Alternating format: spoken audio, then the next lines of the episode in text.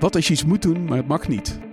Welkom bij Ethiek in de Praktijk. Ik ben Robin Rotman en in deze podcastserie praat ik met experts en ervaringsdeskundigen over data-ethiek in de dagelijkse praktijk. Dit is een podcast van het Centrum Informatiebeveiliging en Privacybescherming. Ik denk dat alles rondom arbeid en sociaal domein en dergelijke hele mooie voorbeelden zijn waar de overheid met heel veel gedetailleerde regeltjes en stapeling van regeltjes een heel genuanceerde uitkomst probeert te bereiken, maar wat soms helemaal averechts werkt. Te gast vandaag Koen Versmissen, eigenaar van Goed Zo Data-ethiek. En Mark Jansen, advocaat bij Dirk Zwager, gespecialiseerd in privacy en IT-recht.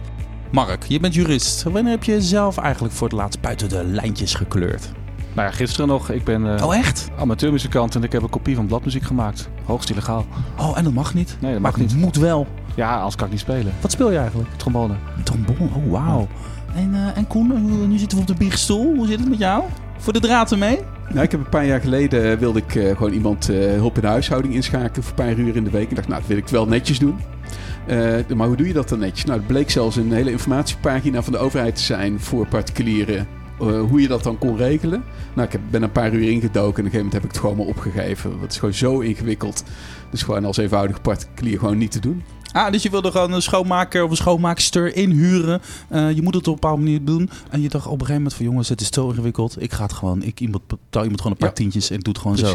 Oké, dus Ja. ik zit hier met twee ervaringsdeskundigen aan Zeker. tafel. Vanuit jullie professie zijn jullie bezig met ethiek. Eh, jij meer, eh, Mark, vanuit de juridische kant. En jij, Koen, door mensen te helpen om het ethische dialoog, het ethische gesprek te voeren op de werkvloer. Ja. Maar jullie zijn ook ervaringsdeskundigen. Soms moet je gewoon iets doen wat, wat niet... Maar oké, dat vind ik mooi. Eh, Mark, even, dan nu even serieus. Eh, eh, we hebben het dus over, je moet iets doen, maar het mag niet. Dit gaat voor mijn gevoel heel erg over de regeltjes versus de menselijke maat. Mhm. De protocolisering versus, ja, maar ja, we hebben wel met mensen te maken. En er is een arrest, het Santander-arrest. En daar heeft de rechter je ook wat van gevonden. Kun je even uitleggen waar het over gaat? Ja, klopt. Dat is een alweer iets ouder arrest uit 2011 alweer. En het gaat over de, een geschil tussen een bank en een particulier die daar eh, krediet had. Die particulier was bij de BKR gere- geregistreerd voor een heel kleine restschuld. En daardoor kon hij geen hypotheek en dergelijke meer krijgen. En die particulier die vo- vocht dus die registratie aan. En die bank zei, ja, het is vervelend voor je, maar wij moeten jou registreren. Dat staat nou helemaal in de wet. Dus dan heb je zeg maar een hoop ongemak voor die particulier. Kleine restschuld versus een wettelijke verplichting voor de bank. Nou, het is helemaal naar de Hoge Raad gegaan. En de Hoge Raad zegt, eh, allemaal leuk en aardig, die wettelijke plicht. Maar je, eh, alle verwerkingen van persoonsgegevens moeten voldoen aan grondrecht. En het moet altijd proportioneel zijn, altijd voldoen aan eisen van proportionaliteit, subsidiariteit. En in dit geval pakt dat dus onevenredig uit voor die betrokken burger. En het kan dan wel wezen dat er een wettelijke plicht is, maar de belangen van de burger wegen zwaarder. Ja, wat het ging hier geloof ik om, weet ik veel, 250 euro schuld. En Zoiets, doordat dat ja. gewoon geregistreerd was, loopt je leven gewoon vast. Omdat de regeltjes niet toe dat je een huis koopt, whatever. Ja. Dat soort dingen, hè? Klopt, ja. Oké. Ehm, Koen, dit is dus, eh, jij bent een ethisch man. Hè? Je, je helpt mensen met over nadenken over ethiek. Hier heb je dus, ontstaat er dus zelfs vanuit de rechter ruimte om eh, van de buiten de lijntjes te kleuren. Dit zal ongetwijfeld niet zijn dat je nu eh, alles maar mag doen eh, naar eigen inzet nemen, maar er is wel ruimte. Mhm. Dus is er ook ruimte voor een ethischere, persoonlijkere afweging. Word jij blij van dit soort ontwikkelingen? Ja, absoluut. Want het erkent in feite dat wet en regelgeving ook altijd maar beperkt eh, in kan spelen op al die, al die oneindig veel situaties die je in de praktijk kunt tegenkomen. En dat is een heel goede ontwikkeling.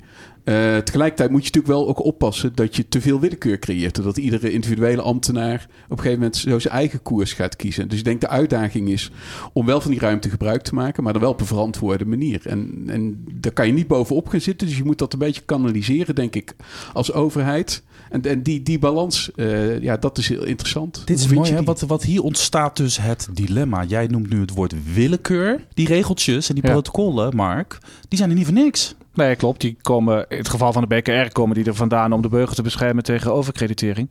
Wat een heel nobel doel is. Eh, maar de praktijk kan zijn dat die burger met een heel kleine restschuld geen enkel nieuw krediet meer mag afsluiten. En dan pakt het ineens heel disproportioneel uit. Ja, mooi is dit. eh, Oké, dus je hebt de wetgeving, regelgeving. Ehm, die moet mensen beschermen. Je wil ook als overheid iedereen gelijk behandelen. En in tegelijkertijd worden mensen zoals ik, een beetje de opstandige typetjes, die vinden van ja, regeltjes, regeltjes, regeltjes. Waar is de menselijke maat? Eh, en, dan, en, dan, en dan kom ik tegen willekeur aan. Dus dit is, hier zit de spanning. Ja, Eh, klopt.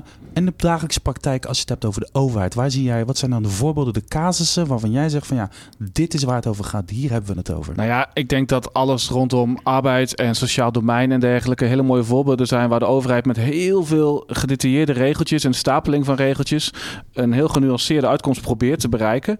Maar wat soms helemaal averechts werkt. Je ziet het nu, is er een heel recente discussie gaande of de bijstandsregels moeten worden versoepeld.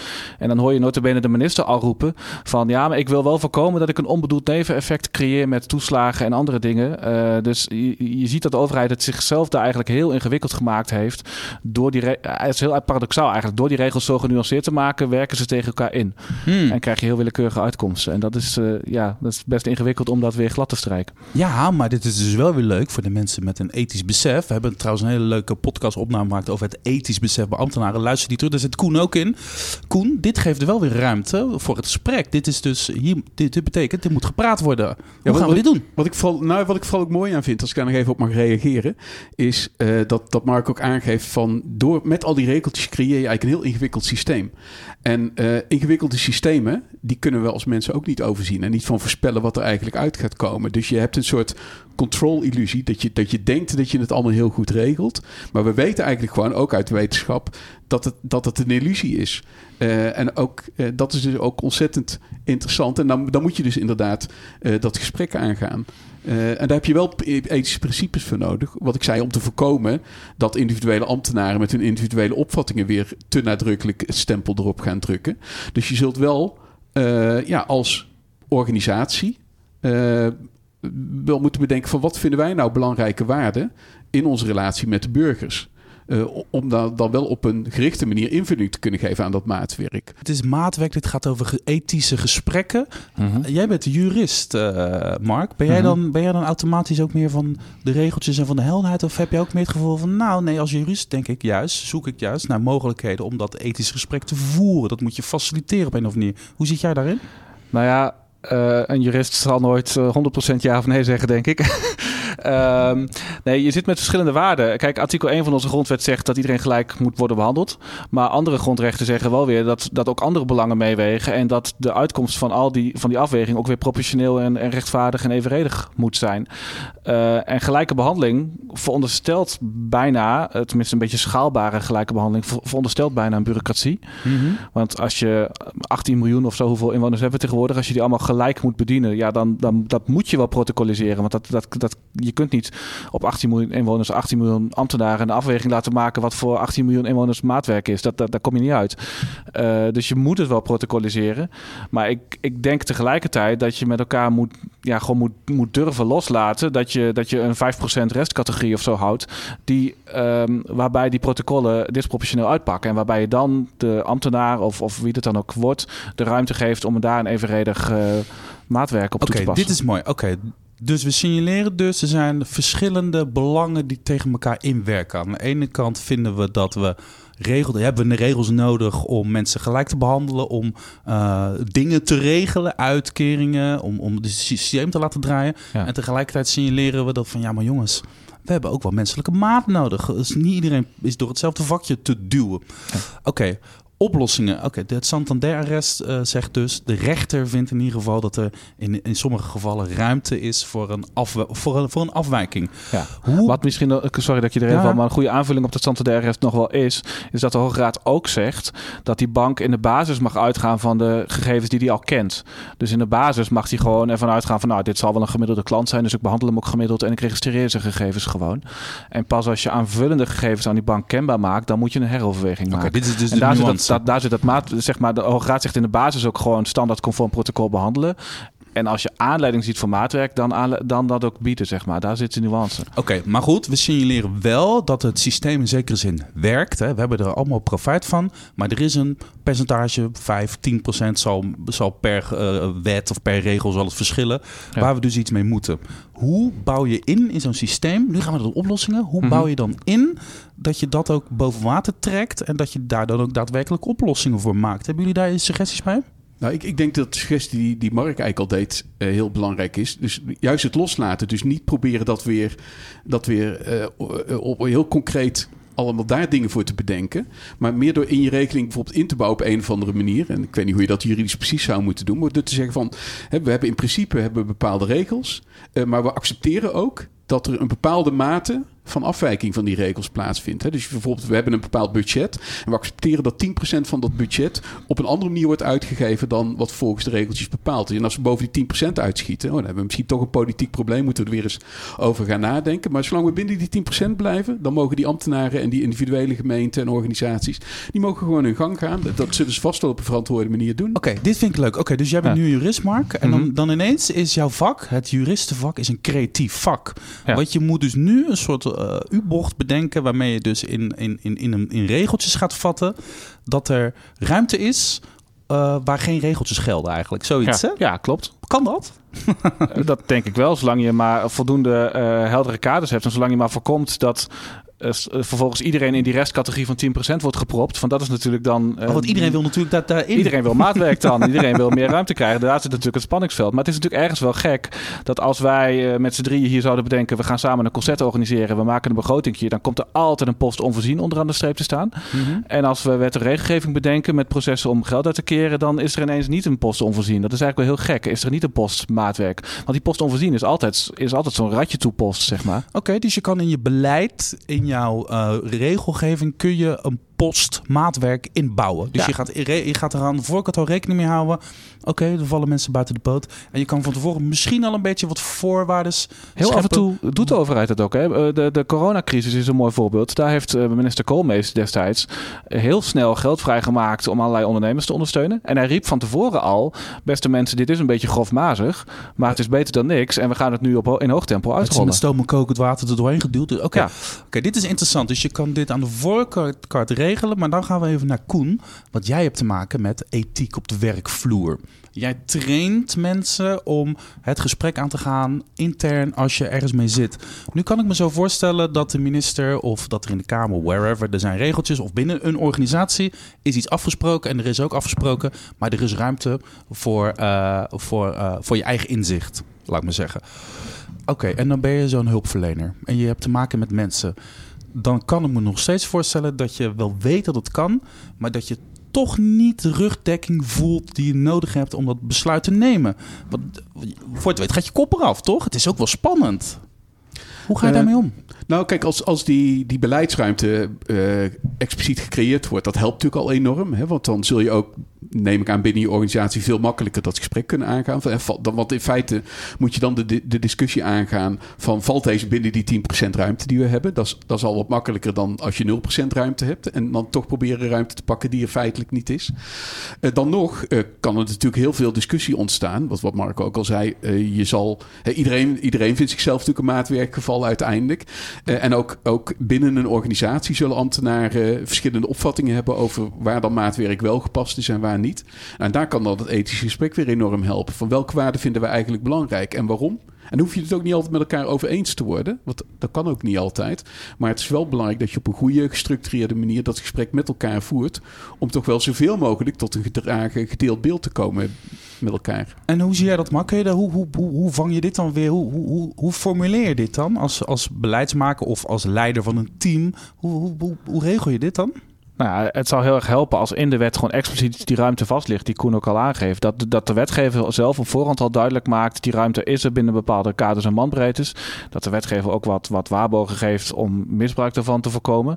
Maar dat de wetgever ook vertrouwen geeft aan de praktijk. Dat helpt denk ik een heleboel. Het gaat over het vertrouwen in de professional. Ja, het durven loslaten. Je ziet nu dat men in Den Haag soms zo op de vierkante millimeter dingen probeert te regelen. Als er, eh, als er ramingen worden uitgebracht en er valt één subdoelgroepje net een klein beetje onder de Haagse eh, wenselijke cijfers. Dan wordt er weer aan een of ander radertje gedraaid eh, met waarschijnlijk weer onbedoelde effecten. Want zoals Koen al zegt, wij mensen kunnen complexe systemen vaak helemaal niet overzien. Maar die politicus die wil dan maar kunnen roepen, ik ben voor je opgekomen. Maar de paradox van dat voor je opkomen is dat er vaak alleen maar meer complexiteit ontstaat. Want ik, ik denk meteen aan die uh, medewerker in de zorg. Die Mhm. klagen natuurlijk steen en been dat ze te weinig uh, mankracht hebben. En uh, die hebben het zwaar en die hebben het druk. En dan zijn ze ook nog eens een keer de helft van de tijd bezig met noteren wat ze heel de dag door aan het doen zijn. En dan denk ik, dit is volgens mij precies zo'n voorbeeld, maar misschien zie ik het verkeerd. Waarbij we niet vertrouwen op de professionaliteit van de, de medewerker. Die weet heus wel wat hij, wat hij of zij aan het doen is. En ze moeten nog steeds registreren, zijn verantwoording afleggen. Is dit een voorbeeld waarvan ik denk van... Ja, hmm, nou, daar, daar zit denk ik een achterliggend maatschappelijk probleem, wat, wat ik steeds uh, pregnanter wordt eigenlijk. En dat is dat, dat we überhaupt weinig vertrouwen hebben, of in ieder geval bepaalde delen van de maatschappij, moet ik misschien zeggen, in de overheid en in dit soort systemen. En dus ook dat, is, dat er bij bepaalde groepen in ieder geval steeds minder acceptatie is dat het dan dus ook gewoon af en toe misgaat. Hè? Want dat is wel de consequentie die je moet aanvaarden. Op het moment dat je bandbreedte creëert, dat, dat voorbeeld van die coronaregeling is een mooi voorbeeld. In feite zegt Koolmees daar van tevoren, als je dat zwart-wit weergeeft, van nou hier gaat ook misbruik of oneigen gebruik van worden gemaakt, weten we, accepteren we. Maar ja, dat, dat is wel een moeilijke boodschap. Want daar krijg je natuurlijk debat over. Want ja, er zijn wel allerlei ja, die, ondernemers die de met, pers met staat voor je, voor je ja. snuffert. Oké, okay. maar er zijn een paar dingen. Want dit vind ik wel interessant. Je kan dus accepteren aan de voorkant dat je dus wat, wat, scha wat averij gaat oplopen. Je, moet, uh, je kan um, ruimte creëren in je beleid. Je kan van tevoren vastleggen, er is ruimte voor maatwerken. Dat gaan we gewoon inbouwen. Je kan op de werkvloer dus dat gesprek aangaan. Dus er is, er is, je voelt eigenlijk dat er een heleboel ruimte is om van de regeltjes af te wijken. Als je het, als je aan de voorkant maar een beetje doet. Als je dat gesprek maar aangaat, als het niet geregeld is, maar het wel... Dus er is eigenlijk best wel veel ruimte hier. Nou ja, moet je je voorstellen wat er was gebeurd. Volgens mij is die hele toeslagenaffaire ook begonnen met beelden van pinnende Bulgaren. En met moord en brand gescheurd. Moet je je voorstellen wat er was gebeurd als de minister toen had geroepen... Dit is 0,0000 zoveel procent van de mensen. Is ingecalculeerd. Ingecalculeerd. Ja. Einde verhaal. Moet ja. je voorstellen wat er dan was gebeurd? Ja, ja, ja. Of eigenlijk niet was gebeurd. Dat accepteren we niet, toch? Ja, kennelijk niet. Maar dat is toch eigenlijk bizar, hè? Dat, dat, dat, dat relati gezonde relativeringsvermogen van een, een incident wat heel groot wordt gemaakt in de media, vaak zonder enige context, zonder enige van ja, welk deel van de betrokkenen is dit nu? Heel veel cijfers in de media zijn zonder context en de, en de politiek gaat er volgens helemaal op los. Oké, we gaan dus uh, de, de, de, huiswerkopdracht van iedereen die dit luistert, uh, van ons, van de samenleving, is misschien we gaan. Maatwerk proberen schaalbaar te maken. En we gaan flexibiliteit in het, in het protocol opnemen. Weet je, dat zijn van die paradoxen. Wat, ja, dat is paradoxen. Ja, dat is heel paradoxaal. Maar ja. dat... ja, en, en we accepteren dus uh, dat hoe je het ook regelt, dat het altijd ergens wel misgaat. En, dus, en dat soms wel het beste kan zijn om gewoon vooraf te accepteren. Uh, dat, dat, dat, je, dat je zeg maar het, het misgaan expliciet inbouwt. Hè, want, want met al die steeds complexere regeltjes wek je de illusie dat je het helemaal onder controle hebt, maar dat is toch niet zo. Dus eigenlijk weet je dan ook dat het misgaat, maar dat is dan dat laat je dan impliciet en dat is soms makkelijker uit te leggen, maar het leidt wel vaak tot slechtere resultaten. En hoewel het een moeilijk gesprek is, is het dus beter om van tevoren te zeggen: Nou, we weten gewoon dat er handige jongens en meisjes zijn die er misbruik van gaan maken. Het gaat gewoon gebeuren. En toch, en toch doen we het zo. En de, politicus moeten durven, politici moeten durven om ook dat verhaal te vertellen. Oké, ik denk dat we met z'n allen gaan uh, leren leven met deze paradoxen. Ja. En ik denk dat we dat ook kunnen met z'n allen. En als je nou denkt van, uh, oeh, ik heb hiermee te maken en ik weet niet wat ik moet doen. Dan ben je gewoon Koen Versmissen, eigenaar van Goed Zo Data Ethiek.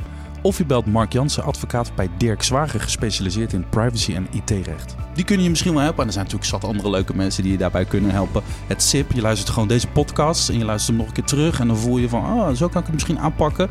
En daarvoor ga je naar uh, sip-overheid.nl slash uitgelicht of je favoriete podcast app. Heren, dank jullie wel. Graag gedaan. Graag gedaan.